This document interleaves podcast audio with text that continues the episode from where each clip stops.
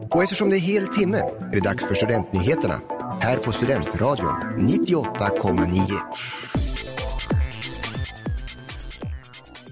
Hej och välkomna till vecka 9 nyheter på Studentradion 98,9. Idag kommer vi att avhandla Sveriges NATO-ansökan, den nya musikfestivalen i Uppsala och en bandymatch som sent kommer att glömmas bort. Vi börjar i Ungern där man under måndagen röstade om Sveriges inträde i försvarsalliansen NATO med 188 röster för och 6 röster emot. Efter många vändor är nu Sverige till slut välkomna att ansluta sig till NATO. Något som kommer att ske som tidigast under nästa vecka. Ulf Kristersson kommenterade nyheten på en presskonferens och sa att det har varit en bra dag för Sverige och svensk säkerhet. Glädjerop har även kommit från övriga länder i alliansen. Finlands utrikesminister Elina Valtonen skriver citat Det här är en dag vi väntat på. Grattis Sverige! Slutcitat.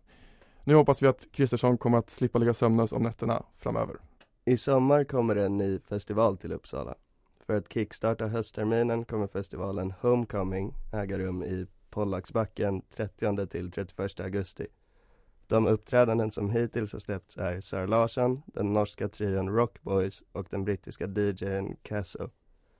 Festivalen anordnas av Home Run Festivals som sedan 1974 stått för brännbollsyran i Umeå och senare även startat upp diverse festivaler i Linköping, Helsingborg och Sundsvall. Efter 50 långa år har de nu förstått att det finns studenter i Uppsala också. På området planeras det att finnas områden för beerpunk, karaoke, två stora scener och ett silent disco. Vårt tips är falafelrulle och öl innan ni går in på området. Och ja, de kommer kolla era innefickor. Göm Jäger i strumporna istället. Sirius bandy stod tyvärr ingen chans mot Vetlanda borta i den fjärde kvartsfinalsmatchen och får helt enkelt tänka om inför den femte och avgörande matchen. Slutresultatet landade på 11-2 men Sirius lät ändå hoppfulla efter krossen. Taggade låter de att spela en avgörande match eh, och med spelare tillgängliga efter avstängningar så menar Sirius-läget att det blir ett avancemang. Matchen borta mot Vetlanda är alltså enligt dem redan glömd. Dock får Sirius bandy den här veckans oflyt.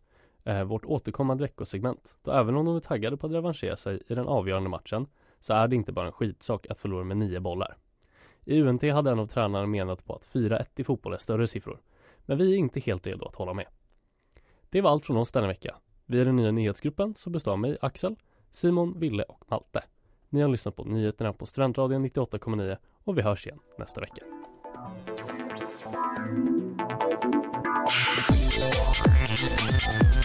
Yeah.